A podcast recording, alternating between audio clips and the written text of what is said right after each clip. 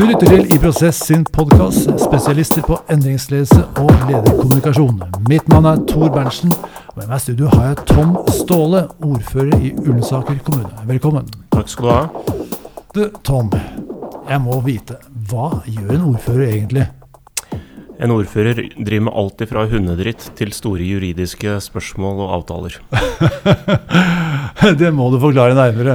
Eh, altså Som ordfører så er du en ombudsmann, eh, og du er en leder. Eh, man skal lede de politiske prosessene eh, og sikre at eh, avgjørelser tas og gjennomføres. Men på den annen side så er det også innbyggernes ombudsmann, eh, og da er du det kontaktpunktet de har for å ta opp små og store saker. Akkurat. Så Det er jo grenseskillet mellom den enkelte innbygger, næringsliv, frivillige lag og foreninger, og selvsagt eh, det å drive da frem prosesser i regi av offentlig tjenestetilbud. Ja. Høres ut som ganske kompleks lederrolle? Det er det. Det er krevende, og man må ha et bevisst forhold til hva man gjør, og hvorfor man gjør det. Og selvsagt også hvordan man gjør det. Ja. Hva vil du si er typiske utfordringer i denne lederrollen, kanskje sammenlignet med mer ordinære lederroller?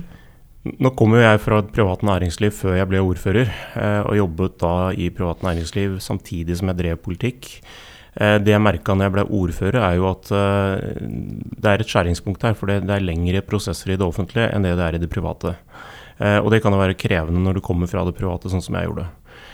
Så der ligger kanskje den største frustrasjonen. Ja, ja, men samtidig så gir det også et mulighetsrom.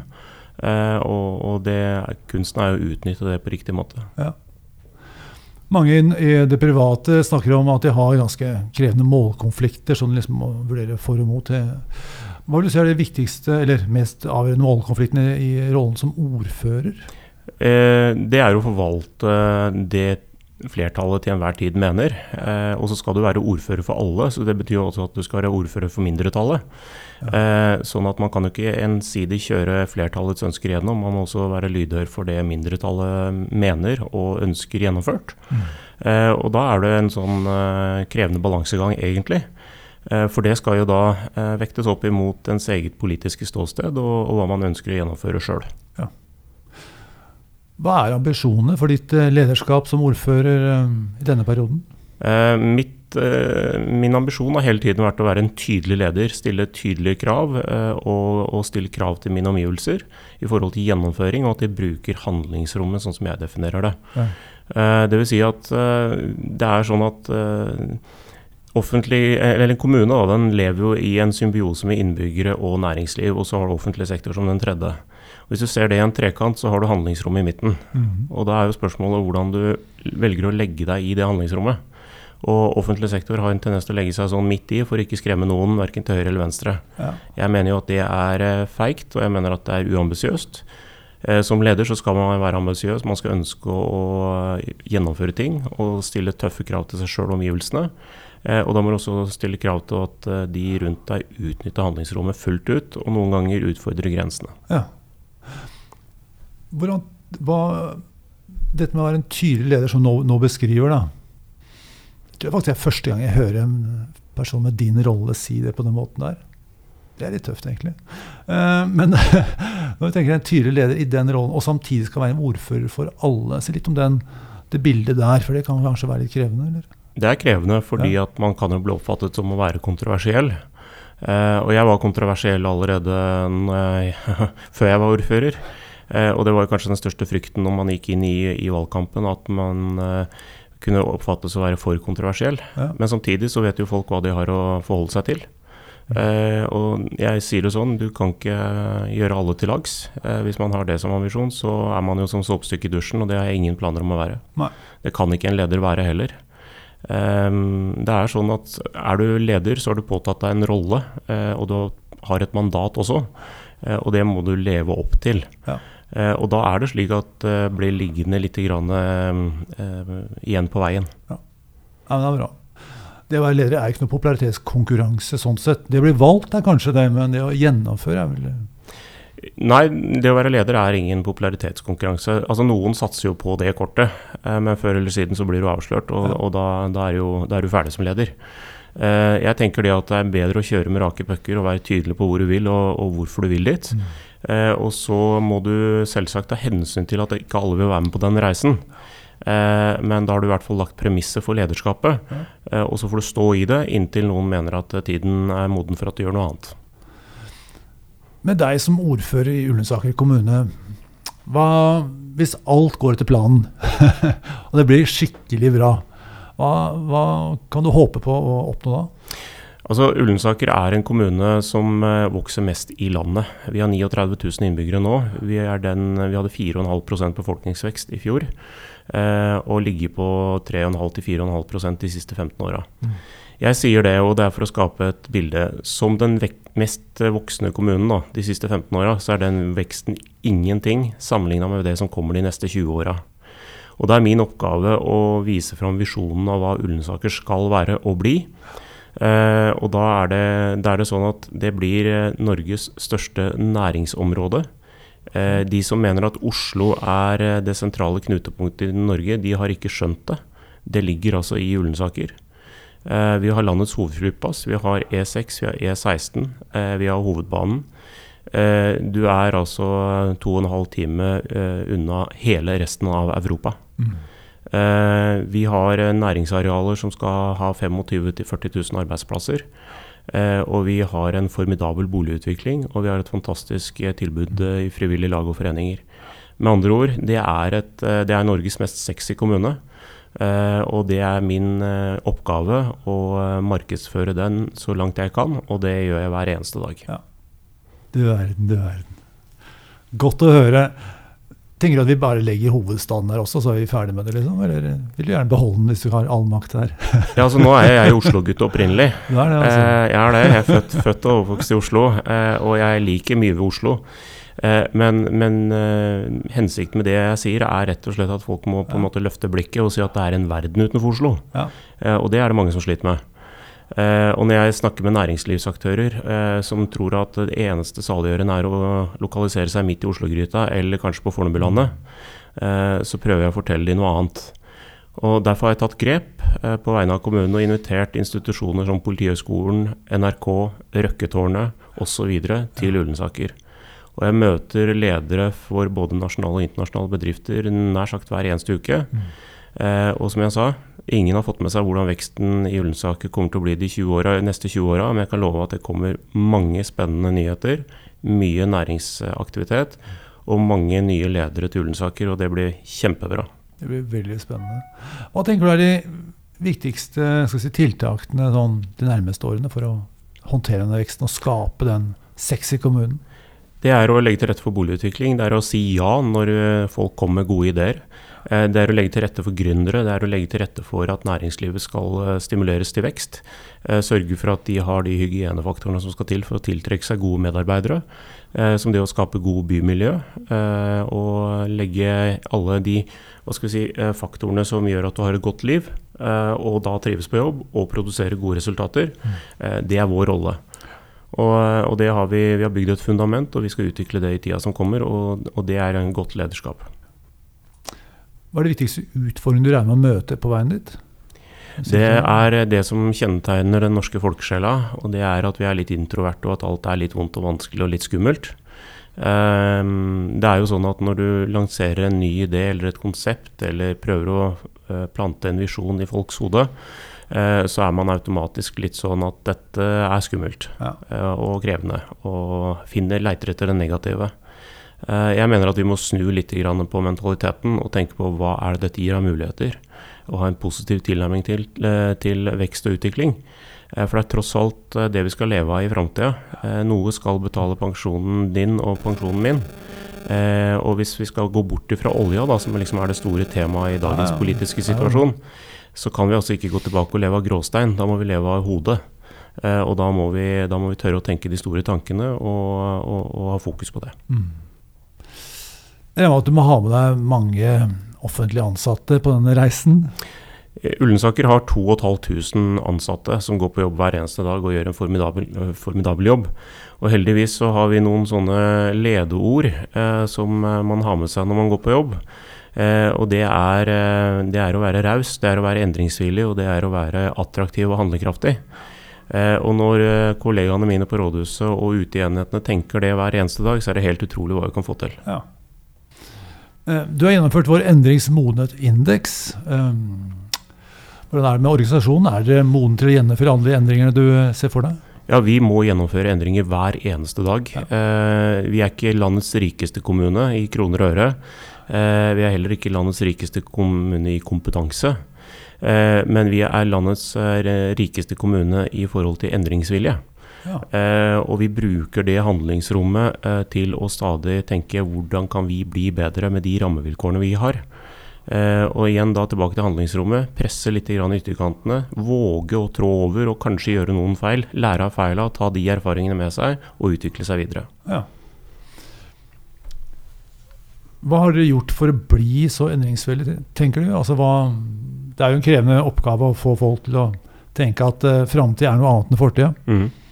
Nei, altså Det er jo klart at det er ikke noe vi har gjort på én dag. Eh, vi har eh, drevet et langsiktig arbeid over de siste 20 åra, egentlig. Eh, og så er det viktig å formidle dette budskapet til alle nye medarbeidere. Og da har jo ordføreren gleden av å møte nyansatte i kommunen. Ja. Eh, og fortelle litt om hvor vi er og hvor vi skal hen, og få de med på den reisen. Eh, så jeg sier det at lederskap det er også det å være en god selger. Eh, du skal formidle et budskap, du skal få de til å forstå det, og du skal få de til å være med på reisen. Eh, og ønske å være med på reisen.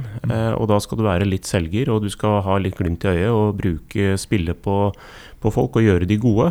Og da er det helt utrolig hva vi kan få til. Hva gjorde du før du ble leder?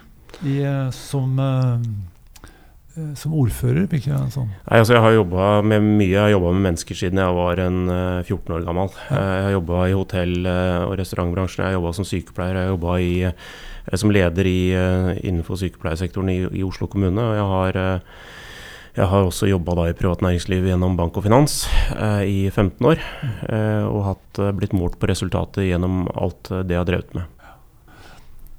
Var det noen viktige hendelser bak det å velge å bli leder? Eh, var det noen spesiell grunn til at du liksom valgte akkurat den type karriere? Eh, jeg har alltid likt å ta beslutninger. Jeg har alltid likt å være, være Eller ta, hva skal vi si, ta føring, da. Eh, fordi jeg mener at det er altfor mye sendrektighet eh, i det norske samfunn. Eh, og jeg mener at noen må på en måte tørre å legge brystkassa fram og, og, si hvor vi skal hen. Det går for treigt, altså? Ja, jeg mener det. fordi at dette landet er så rikt på ressurser og muligheter. Nei, men, men, vi har egentlig vent oss til oljetåka at alle skal gjøre noe for deg, i stedet for å spørre hva du kan gjøre for samfunnet. Og da kommer vi egentlig litt inn på de som er mine lederforbilder. Uh, og jeg er jo, som dere sikkert har skjønt, ute på høyresida, så jeg har tre liksom helt soleklare uh, ideologiske forbilder. Da. Og det er jo Winston Churchill som er én, uh, eh, Thatcher er en annen. for det er jo den du kan si det, Thatcher er den tidsepoken jeg vokste opp i og ble politisk bevisst. Ja. Churchill fordi at jeg er opptatt av historie og, og hva han betydde for, for verden og, og, trygghet og demokrati. Eh, og så er det jo sånn at eh, Jeg var jo også et barn av den kalde krigen, og da var det jo en som hadde både formidlingsevne og som klarte å skape entusiasme og få folk med seg, og det var jo Reagan i USA. Mm. Eh, og dette er tre personer som politisk sett har betydd mye for meg. Eh, og så er det jo sånn at jeg har lest mye, mye kunnskapsteori, eh, så jeg har liksom tatt med den dimensjonen inn også. Mm. Hva tenker du er, hvis vi ser litt sånn det store bildet, hva tenker du er det, det viktigste utfordringene for ledere i Norge i dag? Det viktigste utfordringen for ledere i Norge i dag, det er faktisk å tørre å lede. Eh, I stedet for å være en del av det konforme samfunnet hvor du, hvor du liksom skal gjøre alle til lags.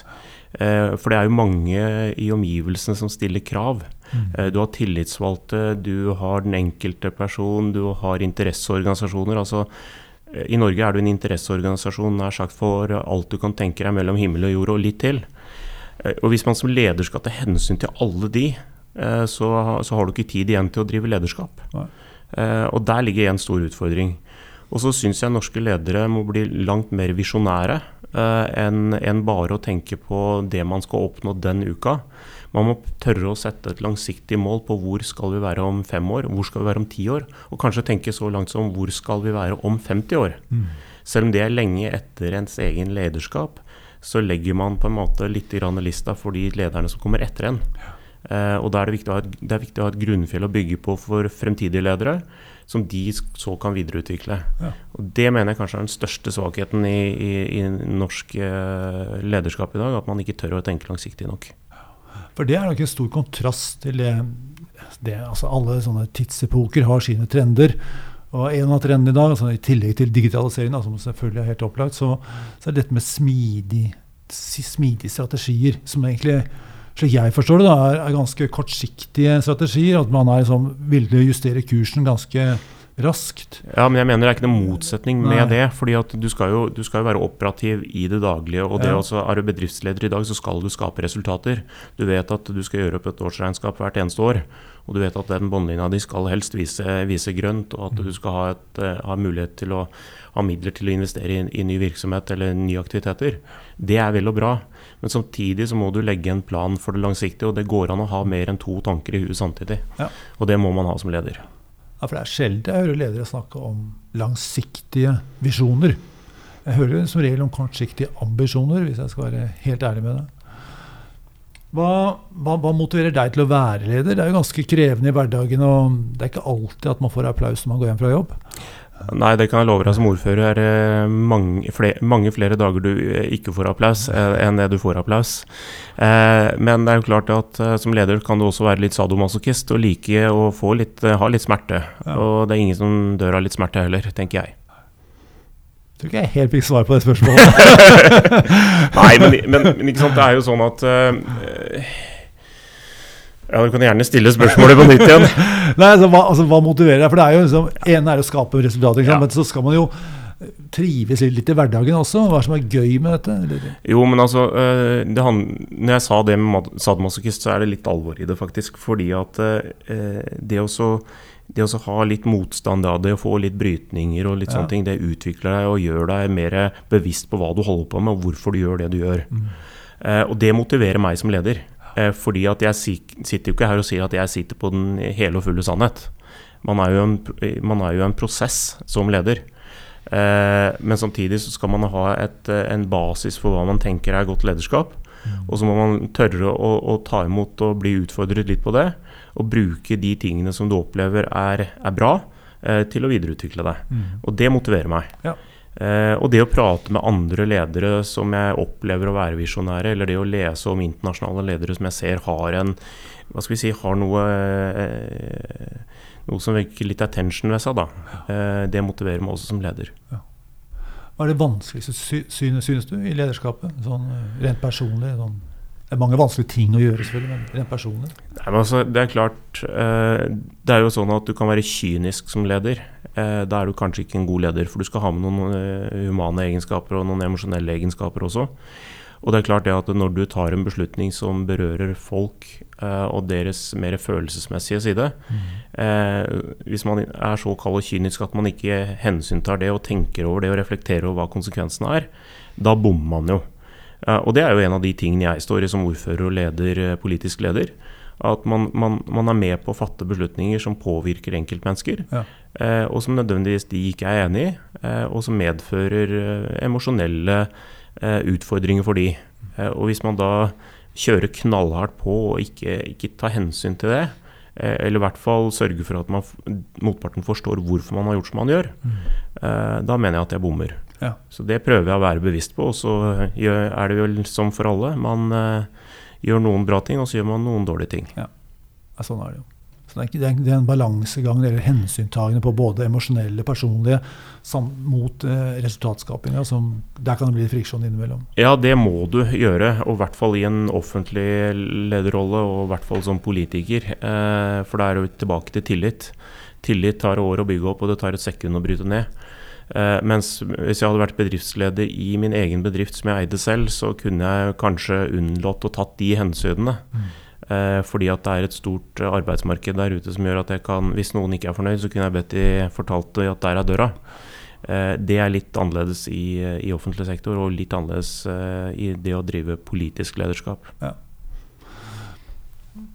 Du har jo holdt på en stund som leder, og har sikkert gjennomført mange endringer. Hvilke var den største, eller viktigste, eller den mest betydningsfulle endringen for deg som du har vært med på? Uh, den største endringen som jeg har vært med på altså det, det kommer litt an på hvilken rolle du, du, spør meg om, men i mitt private yrkesliv så var det jo sånn at man Eller at jeg fikk uh, overtok en, en, hva skal vi si, en kundeportefølje hvor alt sto veldig dårlig til. vi klarte rett og slett ikke å utnytte potensialet. Vi hadde kunder som var særdeles misfornøyd, og vi hadde produkter som ikke fungerte. Eh, og da var det å gå inn og gjøre en dypdykksanalyse og finne ut eh, hvorfor var vi der vi var. Og så legge en strategi for hvordan vi skulle snu det. Eh, og, og, det var jo eh, det var slik at uh, man sto jo egentlig og vurderte om man egentlig bare skulle legge ned hele produktlinja og, og, og si at uh, her, her, avslutter vi, og så finner vi på noe annet. og så lar vi kundene gå til konkurrenten. så det var sånn make it or break it, liksom. Og, men det det medførte, var at vi gjorde denne analysen og tok noen konkrete, klare valg med høy risiko. Uh, og så gikk det halvannet år, og så hadde vi snudd dette til en suksesshistorie. Uh, og tjente mye penger. og det, en, det, var en endringsprosess som var knallhard. Den var krevende. den medførte jo at flere av oss fikk magesår. Eh, men når vi kom ut på andre siden, så ga det en eh, total tilfredsstillelse, og det var veldig bra. Ja. Sånn I forhold til lederskap i det offentlige, så, så er det klart at eh, der har vi vært gjennom mange endringsprosesser. Eh, men kanskje den, den viktigste, den eh, som jeg har lyst til å ta fram, det er um, en situasjon hvor vi sto med, med, pasienter som hadde veldig tøffe diagnoser. Eh, mye utfordringer. Som følte at de ikke ble sett og hørt. Eh, de følte at de ikke hadde et godt tilbud. Mm. Eh, hvor vi gikk inn eh, og, og, rett og slett etablerte et tilbud på tross av at vi strengt tatt ikke var lovpålagt å gjøre det. Men, men, da var det det humane og det menneskeverdet som betydde mest. Og da opplevde man en endringsprosess som gikk konkret på det. Mm. Og det, der lå det mye verdi. Det som det medførte, var at disse pasient, eller menneskene da, som i utgangspunktet sitter nederst ved bordet, føler seg nå eh, som en del av eh, lokalmiljøet, som en del av samfunnet, og føler at de også tilfører samfunnet en verdi. Mm. Eh, og jeg må jo si at den endringsprosessen, det er jo kanskje noe av det jeg er mest stolt av. For det kan du ikke nødvendigvis måle i kroner og øre, men du måler det i følelser, og du måler det i empati. Eh, og noe som kanskje også er utrolig viktig for ledere, moral. Etikk og moral. For du har et moralsk ansvar som leder.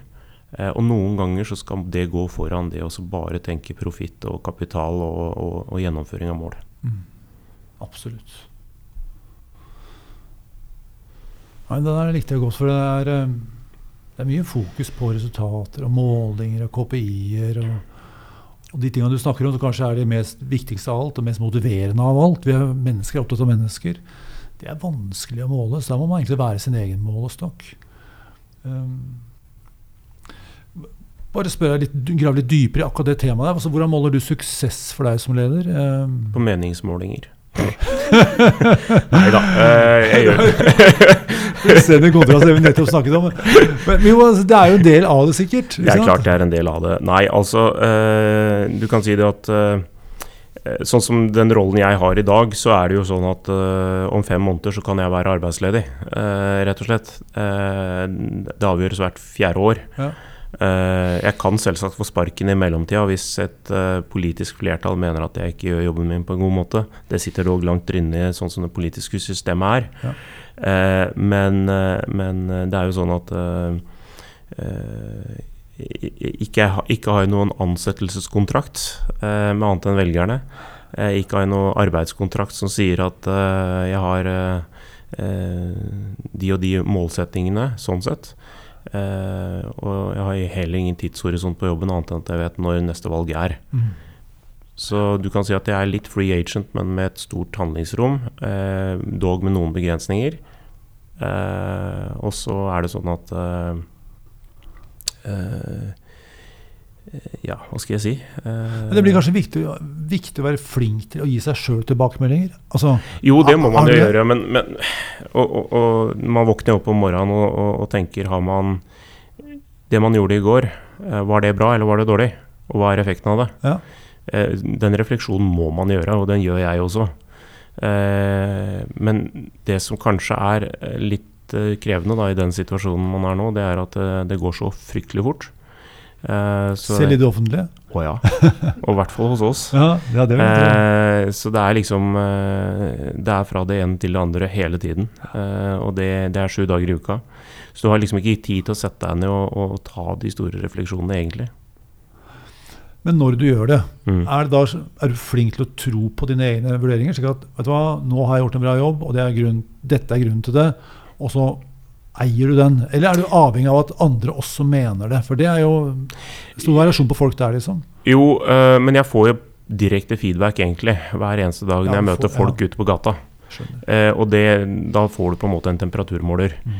Eh, samtidig så gjør man jo noen selvstendige refleksjoner på, på, på, om man faktisk har gjort noe riktig eller galt. Mm. Eh, og, og, det hender jo noen ganger at man angrer, og da er det jo faktisk sånn at eh, når en beslutning er tatt, så går det an i det politiske i hvert fall å gjøre om på beslutningen.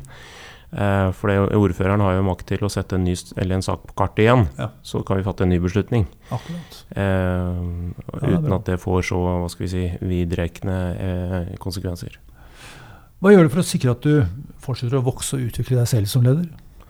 Eh, jeg har noen eh, samtalepartnere, noen sparringspartnere, eh, som, som, jeg kan diskutere med. Selvfølgelig. Jeg prøver å ha, lese mye. Sette meg inn i det og holde meg orientert om hva som skjer i samfunnet og innenfor lederutvikling.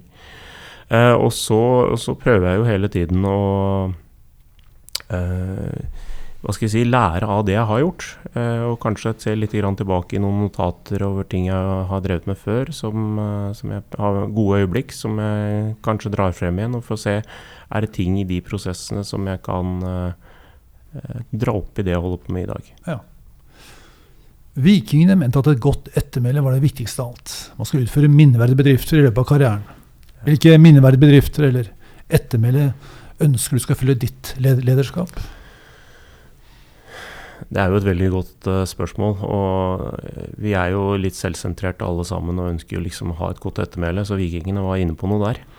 Eh, og, og, det var vel som en lederartikkel i, i uh, lokalavisa også skrev når jeg lanserte ideen om Røkketårnet til, til Ullensaker.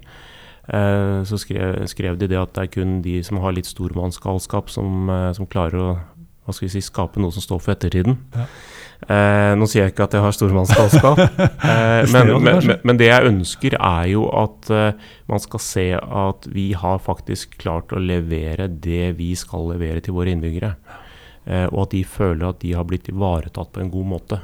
Og Hvis det er ettermælet etter de fire årene jeg har sittet som ordfører, eller åtte eller tolv, eh, så vil jeg være fornøyd. Ja. Hvis folk kommer bort til meg og sier at uh, du Ståle, du var en god ordfører, du så oss, du så meg som enkeltmenneske, og du, du har lagt til rette for at jeg kan trives her i kommunen, da har jeg lykkes. Uh, og det, hvis det også er at gir et ettermæle, så er ingenting bedre enn det. Det høres veldig bra. Da sier jeg tusen takk for samtalen og lykke til videre. Takk det samme.